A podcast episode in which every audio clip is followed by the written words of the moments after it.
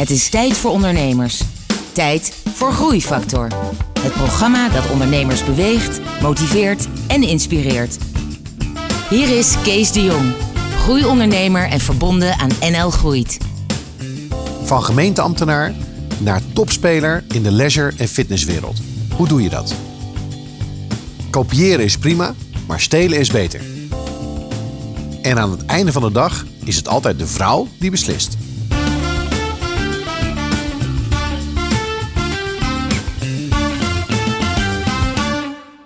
Welkom bij Groeifactor. En vandaag spreek ik met Theo Hendricks van SLG Sports and Leisure Group. Eh, Theo, welkom. Dank je. Ehm, Theo, jij bent een door de wol geverfde ondernemer. Ja, denk ik wel. Ik, ik denk, ja. ik denk ehm, je ziet het niet aan je, maar je bent ook op iets senioren leeftijd. Ja, dacht ik wel. Ja, dus, Achterhoek zo'n oude lul geworden. ja. Nou ja, oude lul weet ik niet, maar eh, we kunnen het wel zeggen. Je bent 64. Ja. En jij hebt een eh, fantastisch ondernemersleven achter de rug. Ja, ja. Want eh, op het hoogtepunt, nou ja, hoogtepunt of dieptepunt, een van de twee, had je iets van duizend man voor je werken in eh, iets van 15 eh, sport- en leisureclubs die je door het hele land had, Ja. had verspreid. Ja, clubs. twee brands eigenlijk. Family Fitness en Capital Sports. Zwembaden. Ja, dat was mijn achtergrond. Ja. En dat was spannend in het begin. Want ik werk, ik had een hartstikke mooie baan bij de gemeente. Drie kleine kindertjes thuis. En ik zei, ja jongens, ik stop. eh, ga voor mezelf beginnen. ja. Auto inleveren, pensioen inleveren. Auto gaan eh, verkopen, terugleasen, dat soort dingen. En ruzie met je vrouw. Nee, altijd gesteund toen. En, wa- en wanneer was dit ongeveer? Dit is even eh, 96 alweer. 20 jaar geleden. Eigenlijk nog een beetje net voor die grote hoos van de fitness- en healthclubs. Want dat, Ja. daarvoor was het eigenlijk niet zo in Nederland. Nee, en dat, zag ik, dat was ook mijn achtergrond. Ik zag dat in, wel aankomen. Ik zag het in Amerika en Engeland. Daar kwamen toen de trends vandaan. Toen zag je al eh, tennis ver, eh, eigenlijk veran- ver- ver- veranderen in squash en squash in fitness. En toen zag ik ook als eerste, toen, eh, dat vind ik altijd nog het leukste voorbeeld. Ik zag in Boston toen op een congres, zag ik toen spinning. Ik dacht, ja, Nederland spinning. Ik heb meteen 26 van die dingen gekocht. Ja, fietsen, maar dan op dezelfde plek. Ja, precies. En dan ben je swimming in the blue ocean eh, voor een aantal jaren. Oké, nou, Ja. in ieder geval, het is een eh, eh, fantastisch ondernemersverhaal. Hoe is het begonnen? Ja, het is eigenlijk. ik zag toen zwembaden kost altijd heel veel geld in Nederland. Dat kennen we. Ik zei altijd, als je dag 80% directe kosten kunt dra- draaien uit je inkomsten, dan doe je het al goed. Vergeet Ja. de investering. Dus, dus je zwembad draait altijd 20% verlies. Eigenlijk wel, eigenlijk gechargeerd. Hè? De meeste, dat draai je maar 20% van de sportfondsenbaden draaide toen meer beter dan dat. Ja. En dat, ik had dat ook in Utrecht toen. eh, en, en toen ik dacht, hey, als ik er nou fitness aan toe kan voegen, dan wordt het op de eerste plaats intrinsiek eh, voor de klant veel leuker. Kunt gratis zwemmen, maar gaat eh, fitnessen en de kinderen gaan dit doen en er komt Ja. naar een sauna en je komt weer bij elkaar in de horeca. Dus ik dacht ook de horeca niet meer verpachten, alles proberen onder één paraplu te krijgen. En het effect daarvan was commercieel natuurlijk ook interessant, was voor de klant leuker, maar ik kreeg mijn dekkingspercentage toen bijna naar 100%. En Ja. toen dacht ik, nou, als ik nou zwembaden over kan nemen van gemeentes die ook zo slecht draaien. En ik kan er elke keer mijn family fitness aan toevoegen. Dat concept, dat moet de kassa zijn. Ja.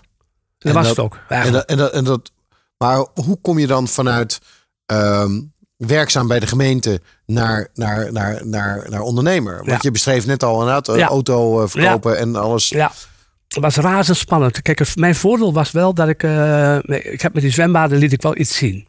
Dus ik ben met een consultancygroep begonnen. Er moet gewoon cashflow, er moet gewoon brood op de plank komen. Dus ik had elke keer wel meteen een strategische visie op langere termijn. Ik wil exporteren.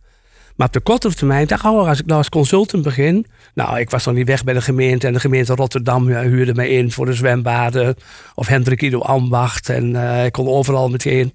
Ik had binnen een jaar had ik al zes consultants aan het werk. Oh, oké. En dat was goed voor mijn cashflow natuurlijk. Ja, dus de, de, dus de centjes kwamen binnen. Dus, dus je eerste probleem was opgelost. Ja. Maar toen ging je in plaats van consultancy, ging je zelf vestiging Ja, nou de eerste gaat vrij makkelijk, relatief gezien. Je ziet een mooi centrum in Laren in dit geval. Kon ik kopen. Nou, de eerste lukt dat nog wel met de bank toen in die tijd. Tweede hypotheek erop. En later nog een tweede met een derde hypotheek erop. Dan krijg je dat nog wel voor elkaar. Dus die heb ik toen eh, eerst toen in privé in Laren gekocht. En die heb ik nog een jaar zes geleden nog een verdieping erbovenop gezet. En dat draaide meteen heel goed. Maar dat was, die kon ik niet het zwembad erbij, maar ik had wel die verbinding met het zwembad. Ja. Dat, was mijn, dat is elke keer mijn added value voor mijn family fitness concept.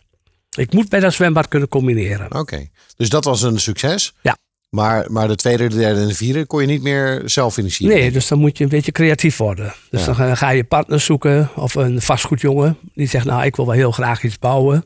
Ik zei, dat is prima, maar als je maar met de fikken van mijn binnenkant afblijft. Ja. Anders krijg ik, geen, eh, krijg ik een pilaar in het zwembad in, eh, midden in de aerobic studio. Ik zeg, maar als jij dat nu bouwt en verhuurt aan mij... en dan neem ik ook gewoon even de investering van de inventaris even mee... en die betaal ik dan wel terug. Ja. En dat heb ik wel een paar keer voor, voor elkaar gekregen. Wel razendspannend hoor. Want het, eh, we moeten niet vergeten, de fitnessmarkt lijkt altijd zo makkelijk. Maar als ik een nieuw, nieuw clubconcept begon met Capital Sport, 2000 vierkante meter, 4, 5 miljoen euro. Ja, dan moet je gewoon 12, 1400 leden hebben voor, eh, om een break-even te krijgen. Nou, dan ben je gewoon een jaar, twee jaar verder. Ja.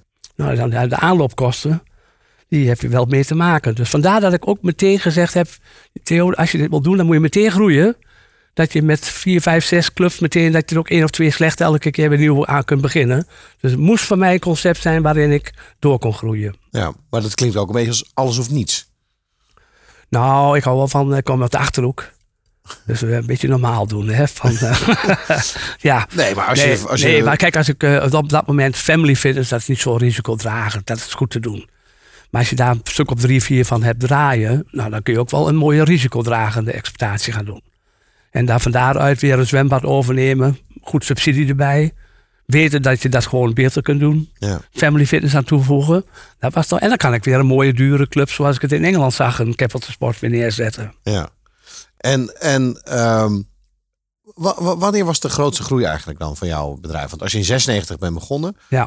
het is nu 2018. Ik denk dat ik tussen eh, die vijf en tien jaar, eh, toen ben ik, eh, ik ben met z'n tweeën dus inderdaad maar begonnen. En na tien jaar heb ik duizend man zitten. Dus tussen de vijf en de tien jaar. Toen ben ik ineens enorm door gaan groeien. En toen kreeg ik ook mijn eerste, eh, eigenlijk mijn grootste probleem ook voor, eh, voor jullie programma, heel interessant. Dan moet je een tussenlaag gaan creëren. Met de managing directors of eh COO's, zoals Ja, dat tegenwoordig eerste, die zeggen. eerste managementlaag binnen je ja, organisatie. maar je kunt niet alles meer doen. Nee. Ik zeg altijd, ik heb ADHD waarschijnlijk. Maar het is heel handig als je heel veel centra wil doen. Eh, Maar op een gegeven moment moet je mensen inschakelen. Dat was eigenlijk mijn, eh, mijn grootste valkuil ook geweest. want? Maar ze doen het nooit zoals jij het wil hebben. Of ik vond een heel goed voorbeeld dat iemand, eh, een van de jongens die woonde in, eh, in Zeeland. En dan had ik een nieuw centrum in Bergen op Zoom. Dit had ik in de voorverkoop, had ik al duizend leden in de voorverkoop. Nou, dat draait als een tierenlier meteen. Maar als ik een nieuw centrum had in Duiven of een nieuwe in Valkenburg. Daar moet ik die vent elke dag eigenlijk bij hebben in het begin. Management by walking around. Ja. Nou, dat was hij dan niet. Of één keer per maand. Dus ik vond elk gezegd, dat liep je gelijk tegen de problemen van de groeiproblemen aan. eh. En, en wat is het, hetgene wat je het meest hebt geleerd daarvan in die tijd? Nou, het, belangrijkste wat ik geleerd heb vanaf dag één, wat ik toen zei, toen ik al naar Amerika ging, eh, vind, dat je niet nooit het wiel uitvinden. Kijk om je heen, praat met andere collega's, kijk hoe ze dit doen in dat land, hoe ze dit doen in dat land en leer daarvan. Ja. Hè, wat Steve Jobs zei van kopiëren prima, maar stelen is nog beter. nou, dat vind ik iets te ver gaan. maar ik heb alleen maar gekopieerd. Vandaar dat ik ook hier zit. Ik moest altijd de wiel zelf uitvinden. Ja. Er was niemand die zei hoe dat werkte in mijn handel. Ja. En, en, en je zegt eh, hier zit, eh, want dat is de link die je net ook maakte. Dat is, je bent nu ook voornamelijk eh, coach en mentor van heel veel andere ondernemers. Ja. Ja. En dat doe je voor NL Groeit. Ja, ook en, en een aantal privé en dergelijke, ook die vanuit verlengde daarvan komen. Ja, Ja. vind ik hartstikke leuk. Om voornamelijk heel veel kennis en ervaring die je hebt opgedaan Ja. uit de periode door te geven. Ja. Had jij in die periode zelf ook een, een, een mentor of iemand van wie Ik je heb leerde? letterlijk inderdaad in Engeland, eh, had ik een mentor, dat kennen we misschien in, in Nederland nog wel, van eh Cannons. Die zijn ook op een gegeven moment naar Nederland gekomen. Ja, klopt. In Rotterdam zaten die. Eh, hele Rotterdam, in. Amsterdam eh, en dergelijke. En daar, die heeft mij, dat was eigenlijk mijn mentor. Was ook nog van Nederlandse afkomst, had 60 clubs daar. Die zetten twee verschillende brands toen gewoon tegen elkaar met een heel ander concept. Oké. Ja, geweldig. Daar heb ik heel veel van geleerd. En wat, wat, wat voor tips en eh, tricks gaf hij jou? Eh, eigenlijk met wat ik ook al veel gedaan heb met, met tien geboden, zeg ik voor ondernemers. Mhm. Nummer één eigenlijk locatie, locatie, locatie, locatie enzovoort. Dan kwam ook daarna wel positionering en de, de persoonlijke invulling. Maar alles gaat om locatie. Voor elke ondernemer. Jij, jij hebt dus op basis van, van, van jouw ervaring inderdaad tien inzichten meegekregen. De eerste hebben we al gehad waar het gaat om Locatie. eh, lo- eh, locatie. Ja, zeker wat uh, retailconcepten.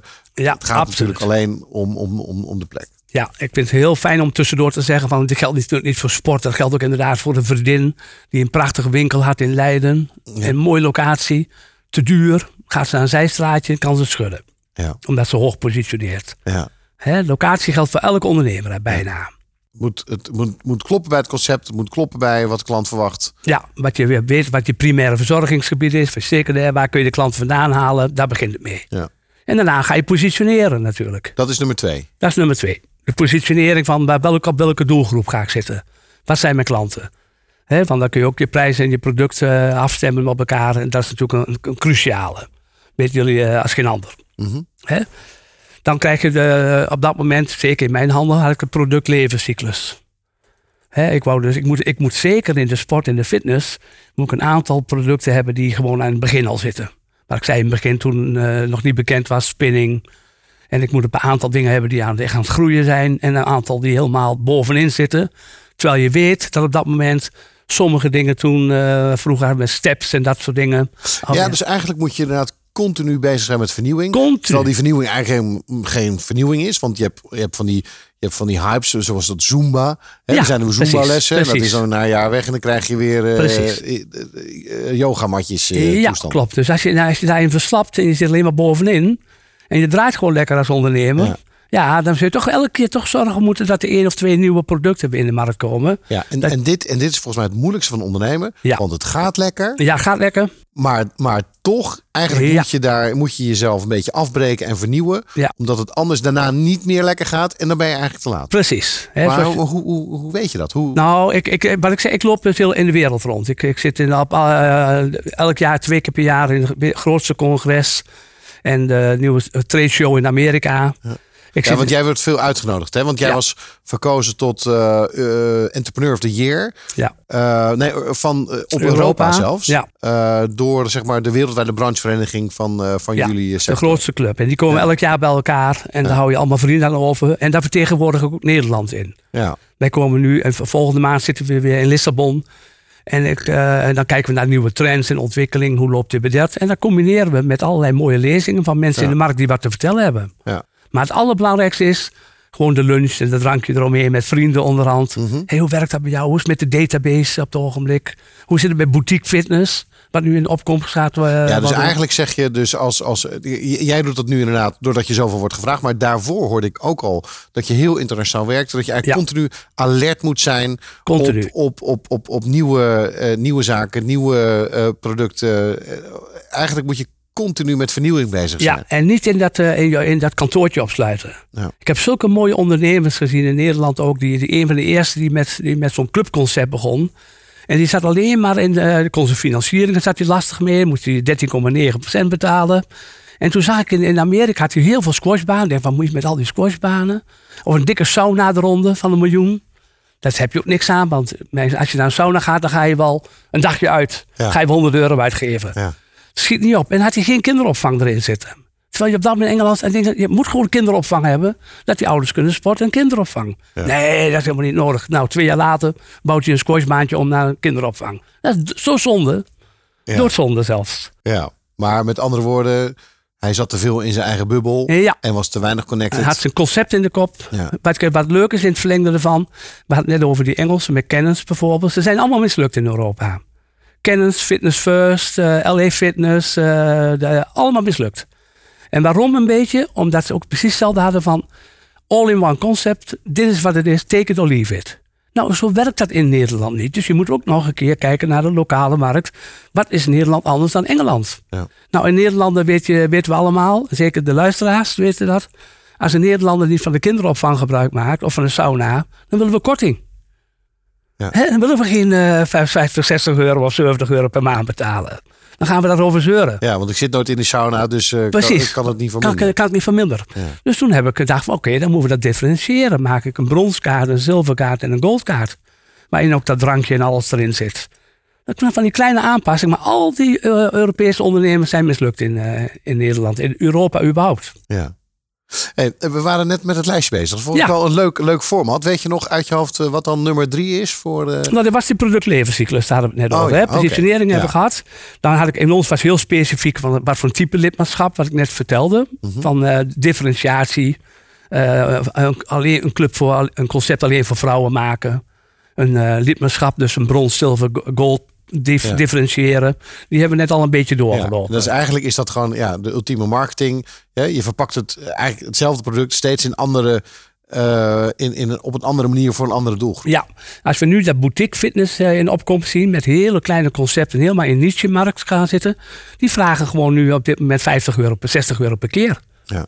Dat is een heel ander idee, maar je, dat, is- dat is wel aan de hand. Dus als je daarop wil positioneren, hoog in de markt, nou, dan mag je daar best naar kijken hoe je dat heel anders neerzet, dat lid- lidmaatschap. Oké. Volgend, eh, volgend punt. Nou, dat geldt ook, denk ik, in zijn algemeenheid voor alle, alle ondernemers. Eh, in, in onze markt helemaal. Je kunt met retentie meer geld verdienen dan met nieuwe mensen. En zeker in de sportmarkt en de fitnessmarkt, je kunt meer met behoud van leden doen dan nieuwe leden binnenhalen. Ja. Dus we, gooien allemaal smakken geld in eh, marketing en dergelijke en, en sales. En dat is ook wel prima. Hè? Bij die Engelse keer zaten drie mensen in een kantoortje zitten. Maar concentreer je nou maar vooral op de behoud van die leden. Ja. In plaats van op de nieuwe leden. En wat deed jij om mensen te houden? Nou, belangrijk, het belangrijkste is zeker als je er meer voor laat betalen. Hè, want eh, later heb ik meegemaakt dat als ik bij met Basic Fitness budgetclubs in opkomst kwamen. Ja, en dat is wel een succesverhaal geweest. Ja, geweldig, geweldig verhaal. Maar daar heb precies hetzelfde. Dat zag ik in Duitsland. Dat zagen wij, maar daar, daar was ik de kleinste speler in. Maar dat zagen we eh McFit, alleen de naam al, McFit. Maar, en, dat, en toen moest het de eerste keer dat ik mijn intrinsieke motivatie moest loslaten. Want het heeft niks meer met je best doen om mensen fit te maken en iets leuks te doen. Dat is gewoon kassa, dat is gewoon geld verdienen. Ja, En dan kan ik het beter zelf doen dan dat iemand anders het doet. ja. En eh, dat is een half vol zetten met apparaten. En dan, en dan maar eh gewoon- 14,95 was het toen, eh, nu is het 20 euro ongeveer. en zoek het maar uit eigenlijk een beetje. Ja. Of Anytime Fitness. Hè, je moet Ja. met een pasje doorheen. Maar als ik daarmee wil concurreren en ik vraag 50, 60, 70 euro voor een lidmaatschap. Dan moet ik dus persoonlijke aandacht hebben. Dan moet ik een geweldige les draaien. Maar dan moet de klant al bij de receptie herkend worden. Van, oh hé, hey, hallo, hoe gaat het met je? Eh, is, je is je hond is nog steeds ziek? Hè? Gaat het alweer een beetje? En eigenlijk, je moet helemaal proberen die klant te herkennen. Ja. Maar dat geldt in die winkel precies hetzelfde dus. Geldt voor iedereen. Je kunt beter dus ontzettend concentreren op persoonlijke aandacht, eh, hoge kwaliteit. Zorg in mijn geval dat de lessen keurig op tijd beginnen. Dat het schoon is, Maar, dat maar soort dingen. dat klopt wel. Hè? Natuurlijk, hoe hoger je serviceniveau is, des te beter het is, des te meer geld je kan vragen, des te meer klanten blijven. Dus het klopt allemaal wel. Maar het is wel moeilijker schalen. Hè? Dus Ja. als, je, het is als je wil schalen, als je het bedrijf snel wil laten groeien, Ja. dan, dan als het gaat om het menselijk aspect, dan is dat een van de moeilijkste dingen. Ja, en dan krijg je dus automatisch, krijg je daardoor die verbinding van die tien geboden, zeg ik altijd. Van, eh, kijk, als je dan op dat moment midden in een studentenwijk gaat zitten. en je wilt daar een heel hoogwaardige club neerzetten van 70 euro per maand. Ja, doei. Ja. Dan kun je beter, of met alle respect, een groep met eh, een minderhedenwijk. Dan kun je beter een budgetclub er neerzetten. Dan weet je gewoon dat je die hartstikke vol krijgt met 15 euro. Ja, Daar moet je dus niet willen zitten. Hoeveel aandacht je ook geeft. ja. Schiet niet op. En dan komt dit jouw, jouw eerste ding, dat is locatie, locatie, locatie. Dan Dat- kom je dat- aan die, in die, elke keer in die samenhang eigenlijk van als je op dat moment eh, positioneert. Hey, van die tien geboden, wat zijn nog meer? eh, kijk, en- en- en hier luisteren niet alleen zeg maar fitnessclubs, owners, retail Precies, eigenaren naar, dus al ondernemers in het algemeen. Ja. Welke geboden daarvan zijn nog interessant Nou, voor? ko- kort kan ik even vermelden van eh, bij de leden centraal, maar dat geldt dus in, in onze markt heb ik gemerkt. eh, En dat geldt denk ik in elke markt. De vrouw beslist. Ja. En ik heb een keer ge- een paar keer een geweldige goede lezing meegemaakt. Die vrouw, ja, dan zegt van ja, de keuken, welke het moet worden en welke sportschool we heen gaan. Dus vergeet die man en we kiezen voor die vrouw. Maar het geldt zelfs voor je auto. Ja. En dan zeggen alle kerels, dat is niet zo. Neem maar van mij aan, zegt die vent. Als jij gewoon die auto, als zij het niet ziet zitten dat jij die auto gaat kopen, dan komt hij er echt niet voor de deur te staan. Ja. Dan gunt ze jou de auto. Hey Theo, weet, weet je wat ik daar zo leuk vind? Ja, Ik, zie het, ik zit hier met Theo Hendricks eh, eh, uit de Achterhoek eh, op de bank. En ik ben een tijdje geleden naar een van de grootste managementdenkers ter wereld gegaan. Dat is Ja. Tom Pieters. ja die, Die heeft een wereldbekend boek geschreven. Ja. En in zijn laatste speech geeft hij... Jongens, vergeet nou niet, de vrouw beslist. Ja. Waarom richt je niet nog meer je marketinggeld op de vrouwen? Want Precies. zij beslissen 85% van alle, van alle dingen. Ja. En zelfs, en, en Tom had ik het ook over. Ja, Maar ik dacht van nou laat ik niet te dikke den doen dat ik alles weet of zo. Maar het is wel een goed voorbeeld van kijk om je heen. En hij heeft volkomen gelijk. Ja. Zelfs over die 15% van ja, ja, dat beslissen wij toch als man. Hè, als je naar die kroeg wil s'avonds en dergelijke, of je auto wil kopen. dan moet je wel gegund worden. Ja, Dus vergeet die man met die marketing. Scheelt je een hoop geld ook nog. ja inderdaad. Wat, eh, wat, eh, wat, wat grappig. Ja. Nou, ik heb bij mij nog pre-sales en profit is minder in, in de land. Maar de allerbelangrijkste natuurlijk, ik management informatiesysteem tussendoor ook. Ik moest elke week, waar ik tegenwoordig zit, in de beginperiode moest ik al de centra zelf bij zijn. Maar nu heb ik elke maandag, ik krijg keurig mijn cijfers. Of het nou zonnebank is, nieuwe leden, de horeca omzet. Die kan ik allemaal op afstand keurig allemaal volgen. Dus ik kan veel meer naar buitenland, Ja. kan veel meer eh, relaxen. Dat ik het nog lang volhoud. Dus gedisciplineerd kijk, kijk jij iedere week naar je cijfers. Absoluut. En, en jij, jij Absoluut. weet gewoon, van, heb Absoluut. De kwartaalcijfers enzovoort enzovoort. Allemaal heel ge- georganiseerd. Oké. Kijken hoe mijn EBITDA is. En dan krijgen En, we... en geeft dat rust of geeft dat juist een beetje het gevoel van dat je er steeds mee bezig moet zijn? Eh, nou, dat geeft... eh, dat, in het begin moet je daar aan wennen. Want dan zie je ineens... hey, vorig jaar hebben we 80 mensen verkocht in deze week of zo. En nu hebben we er maar 40. Maar eh, je, je wordt er veel rustiger van. Omdat je veel sneller kunt reageren. Ja. En niet moet wachten op je accountant. Want dan heb je een kwartaal afgesloten. Dan moet je het nog een maandje aanleveren. Dan moet je die cijfers nog krijgen. En dan ben je misschien al wel drie maanden te laat. Ja. Dus ik kan continu meteen anticiperen op een nieuwe actie voor de zomeractie. Kan ik meteen een week later zien. Hey, gaat, waar gaat hij werken? Waarom werkt het niet? Wat moeten we eraan doen? Oké. Goh, wat zit er nog een energie in jou, eh, Theo? Ja, goed hè? Ja, dat moet ik ook. En het allerbelangrijkste, de laatste kwamen Ja. we op, als dat nog mag. Ja, ja. Uiteindelijk staat of valt alles met het personeel. Kijk, wij kunnen het op de bank goed verzinnen. We kunnen een prachtig strategisch plan maken, een businessplan maken.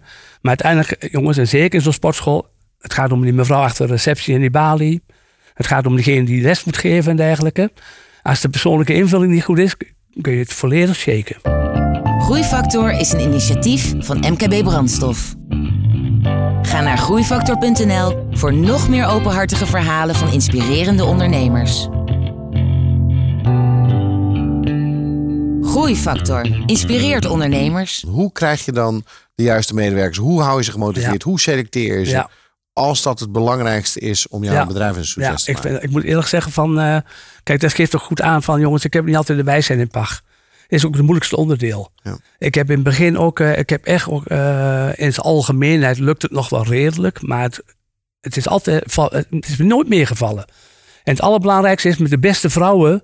zeker met handel... mijn eh, partner met wie ik toen begonnen ben... Ja, die zei ook na zeven jaar, nu ga ik een gezin enzovoort enzovoort. eh, ik ben zo verschrikkelijk veel goede vrouwen kwijtgeraakt in mijn handel.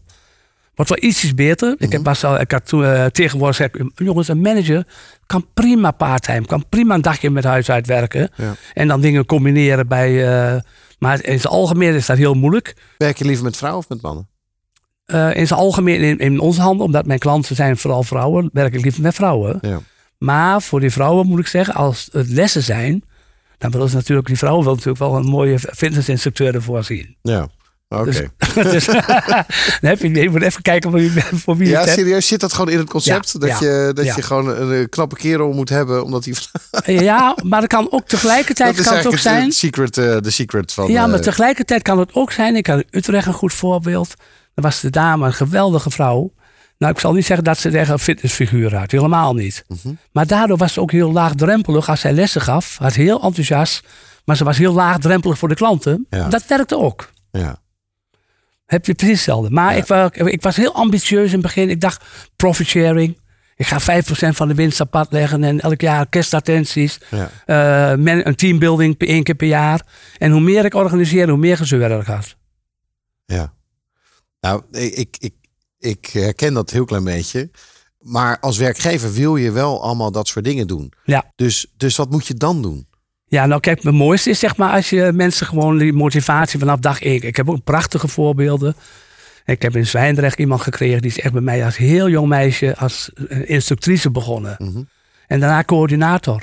En toen kregen we een centrum in de buurt. Van, mag ik daar niet heen? Oké, dan word je tweede man daar. Ja. En die is uiteindelijk helemaal, die is nu mijn eerste man in Zwijndrecht. Vrouw in dit geval dan.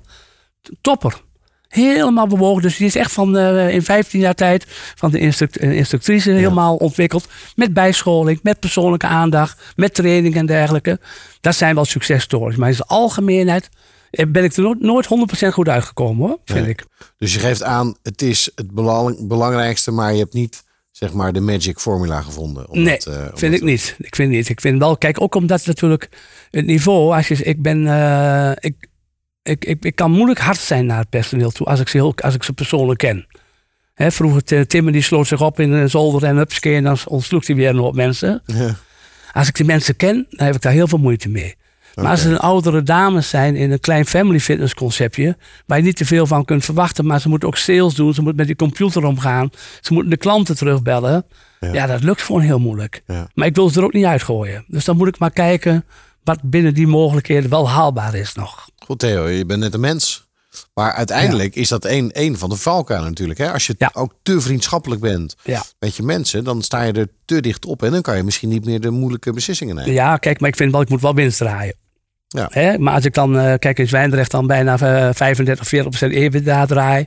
Ja. Dan moet ik in zo'n centrum ook gewoon blij zijn dat ik daar net iets in de plus draai. En dat ik mijn eigen huur nog een keer extra eruit haal. Ja. Dan moet je ook tevreden zijn met 10% of 15% EBITDA. Je moet niet elke keer alles maar helemaal uitmelken en dan denk ik van, nou jongens, maar wat moet ik dan doen? Ik heb een mooie auto, ik woon prachtig. Ik ga op vakantie waar ik wil. Moet ik dan nog een boot kopen, nog een derde auto erbij of zo? Jongen, donder op. Dan, dan geef ik het liever terug aan de andere mensen. Ja. Maar dan nog terug naar de, naar de vraag waar heel veel ondernemers mee, mee, worstelen. Ja. Als je dus inderdaad, als jij zegt van ja, weet je wel, hoe meer ik wilde doen, waar het ging om, Ja. eh, om een winstuitkeringen, dertiende maand, eh kerstpakketten, feestjes en andere dingen, des te meer gedoe ik krijg. Wat is, wat is dan de manier om medewerkers te belonen of mee te nemen om ze nog gemotiveerder te maken? Nou, kijk, het gaat, het gaat wel om eh, uiteindelijk over de persoonlijke betrokkenheid. Hoe meer je ze kunt betrekken bij, eh, bij dat wat je samen aan het doen bent. En ook dingetjes kunt laten doen. Dus zeg maar een instructeur die niet alleen maar een les geeft, maar ook betrokken is bij alles. Die ook bij de entree kijkt wat er los is. Die ook de oefening van de maand zelf op Facebook zet. Hè, onder de auspicie of in- op Instagram zijn dingetje doet. Dan ga je natuurlijk proberen de, de betrokkenheid bij de club te krijgen. Dat die niet alleen maar op de payroll staan. Vandaar dat ZZP'ers in de algemeenheid in onze handel het slechter doen dan vast personeel. Precies, en, en dat is dan misschien de, de, de link. Je wil de mens hebben met de intrinsieke motivatie. Ja, En, en niet, Ja. zeg maar, die, die, die, die doen voor de beloningen, voor de betaling, maar die het gewoon leuk vinden precies. om andere mensen te helpen sport Ja. te ontwikkelen. Ja, Dus, en- de, dus daarop moet je selecteren bij de poort. En, En dat die- geldt voor ieder bedrijf natuurlijk. Absoluut, elk bedrijf. En in mijn handel geldt dat als die zien dat het met de klant eh, resultaat heeft. Zoals mijn vrouw heeft, de persoonlijke betrokkenheid. En je ziet zo'n vrouw dat hij inderdaad 10, 15 kilo afgevallen is. En dat hij fitter is. En dat hij ge- geniet van eh, zijn nieuwe lijf. En dat die, klant, eh, die dat personeelslid dat begeleid heeft. Dan krijg je ineens die motivatie voor jezelf om het te doen. En dan komt de extrinsieke motivatie, die komt er vanzelf achteraan. Ja. Ja. Als we het goed doen als ondernemer tenminste. Want je moet de mensen ook belonen als het goed gaat. Maar goed, zo'n grote handel heb ik ook niet. Ik, ik kan ook niet de wereldprijzen betalen. Nee. Hè? Er zijn heel veel mensen die dan voor v- 15 of 20 euro op de, op de payroll staan. Die zeggen, nou dan ga ik wel voor 40 euro ZZP'er worden. Ja. Hè? Ja. Dan is het om net de motivatie net vaak net andersom. Ja, dus de verkeerde motivatie. Ja, Ehm, Theo, ik wil met jou naar. ehm, je bent nu in de, laten we zeggen, in de herfst van je leven. ja. En als je dan eh, kijkt naar je afgelopen 20, 25 jaar ondernemerschap, wat, wat, wat zijn fouten die je jezelf aanrekent? Wat, wat, als je Eh, terugkijkt? nou, mijn belangrijkste is wel geweest dat ik. eh, nou, ik had ook geen andere oplossing gezien dat ik dus dat, dat middelmanagement op een gegeven moment nodig had. ja. Als je zo Maar is hard dat een fout geweest? Is dat een... Ja, eh, ja, ik weet, eh, ja, kijk, je kunt ook niet alles zelf willen doen. Maar je weet wel van tevoren op dat moment van dat het dus daardoor een stuk minder gaat worden. Want je hebt zelf je, eh, het idee bedacht. Je weet hoe je het in de markt wil zetten. En dat is moeilijk over te dragen op iemand anders die gewoon op de payroll staat. Ja. Ik weet niet, een zware fout, maar het heeft mij, dat is wel mijn moeilijkste probleem geweest in ieder geval. Maar je zei, dat heeft je ook veel geld gekost. Het heeft me je. veel geld gekost, ja. Hoe dan? Nou, kijk, als je er gewoon bovenop zit zelf, zoals je het wil hebben, dan denk ik zo'n zwembad bijvoorbeeld. Een heel mooi groot zwembad bijvoorbeeld in Val Valkenburg. En dat liep voor nog voor geen meter met fitness erbij. Dan denk ik van, ja, zo moeilijk is het toch niet? Dan ga je toch s'avonds een keer van tevoren, dan pak je een hotelletje erbij. Dan zorg je een half uur voor het einde even door dat centrum loopt. Weer dat management bij walking around. En je zorgt dat je s'morgens als eerste erbij bent. En dan zie je s'morgens om zeven dat het centrum open gaat. Dat de mensen nog in de rij staan bij de kassa al voor de banen zwemmen. En dat de instructeur op een, stoeltje de krant zit te lezen. Dan denk ik, dan kun je het toch gelijk aanpakken. Zo moeilijk is mijn vak niet hoor. maar je moet er wel bovenop zitten. Maar je moet er wel zijn. Ja. Kijk, en daar denk ik van, nou, die drive die ik van mezelf, eh, die, die kun je van anderen ook niet altijd verwachten, natuurlijk ook niet. Zou dan, zou dan die drive, is dat dan niet het belangrijkste ondernemerssucces? Ja, je dus moet de er energie en Ja. de drive die je, die je dan Ja. geeft. Is, Ja. Ik denk dat dat het belangrijkste is. En nogmaals, elke keer niet het wiel uitvinden. Kijk om je heen hoe anderen dat doen. Zie, kijk hoe ze dat in andere landen opleiden.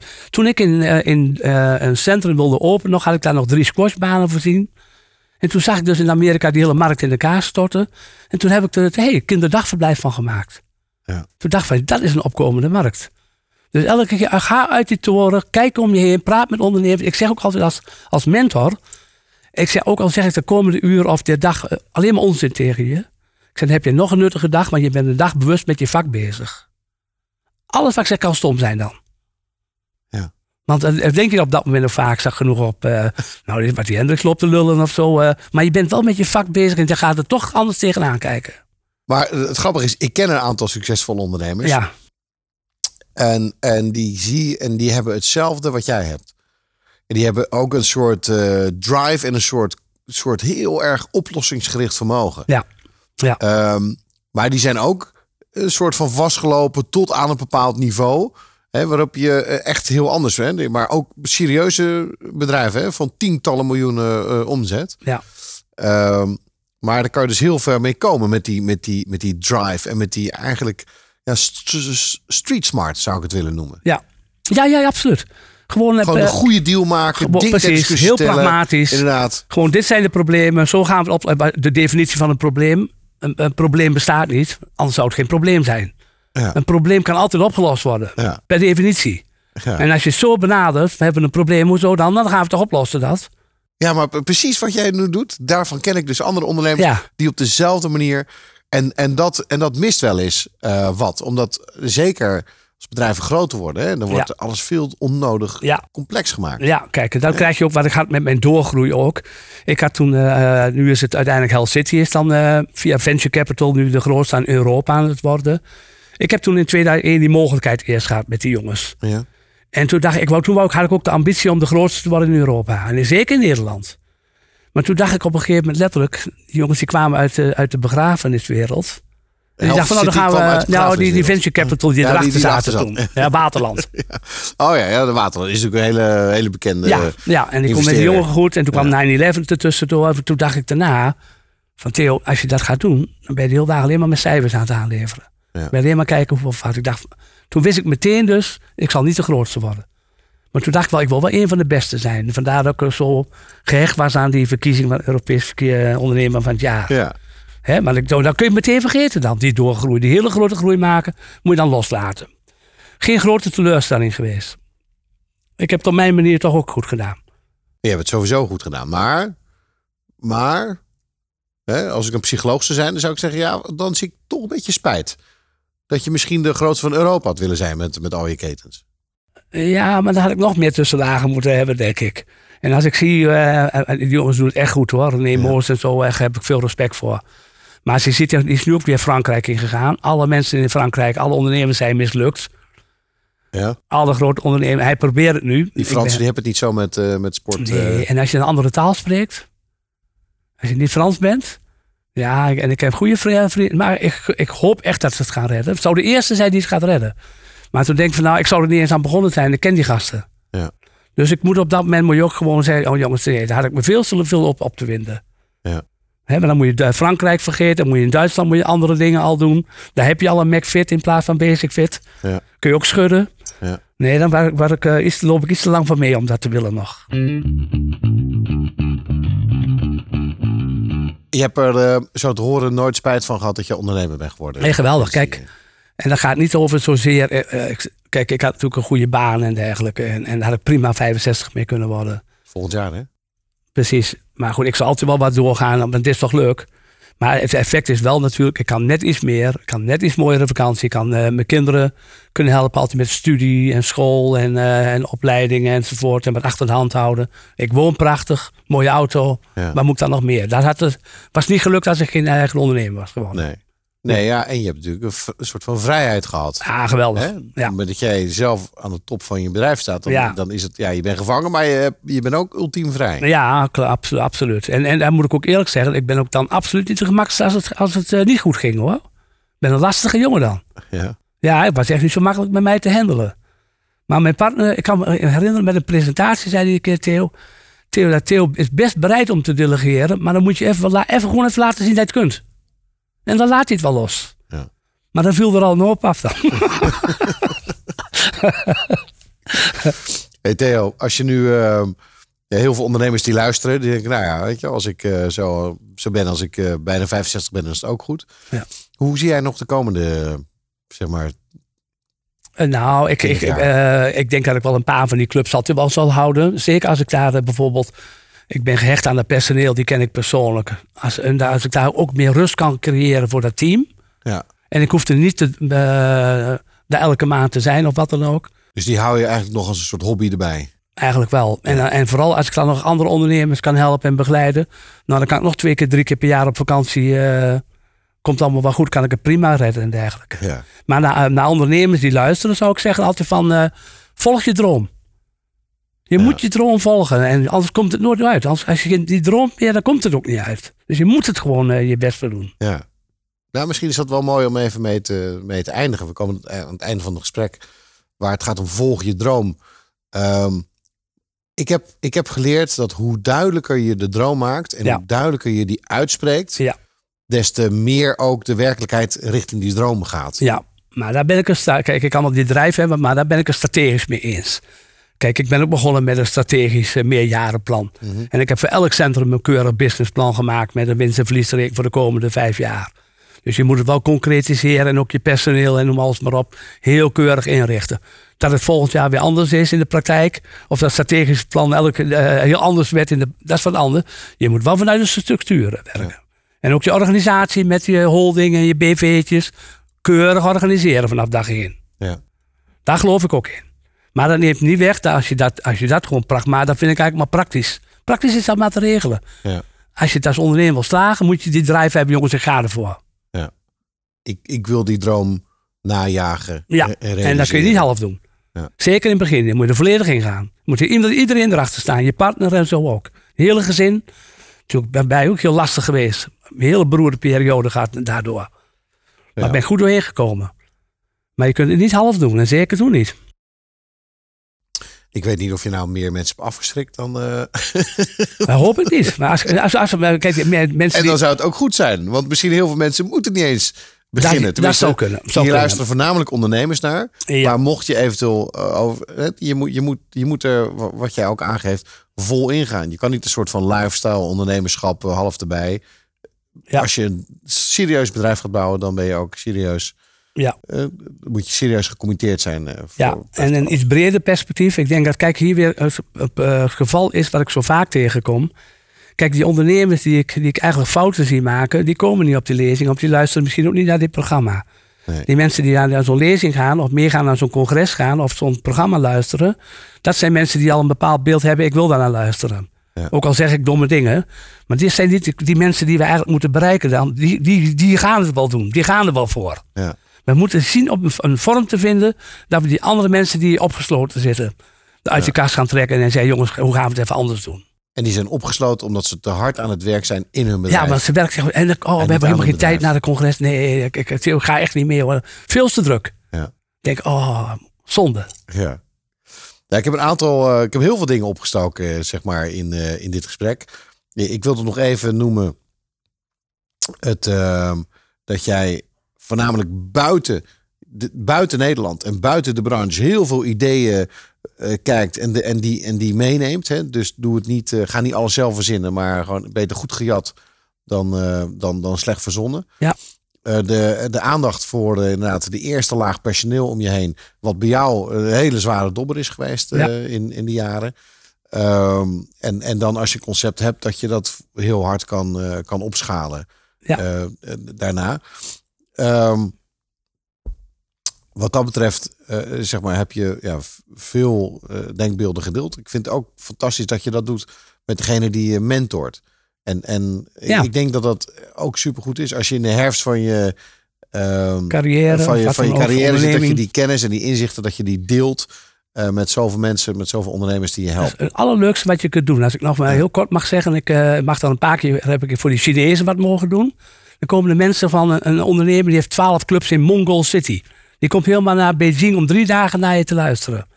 En dan heb ik het keurig wel in Chinees en in het Engels en de tolk erbij. En dan begin ik van jongens, jullie staan bekend dat jullie alles kopiëren.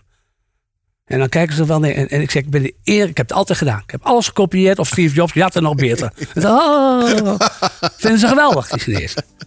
Dat is wat wij ook moeten doen. Wat is er nog mis mee? Oké, dat was dan het laatste advies van, eh, van Theo Hendricks. Eh, Theo, ik heb genoten van dit gesprek. Eh, je bent een eh, markant eh, ondernemer met een fantastisch verhaal. Ik zie dat als een compliment. Ik heb er erg van genoten. Dankjewel. Dankjewel. En voor de luisteraars, je luistert naar Groeifactor en graag tot de volgende uitzending van Groeifactor. Groeifactor is een initiatief van MKB Brandstof. Ga naar groeifactor.nl voor nog meer inspirerende verhalen van mede-ondernemers. Groeifactor beweegt ondernemers.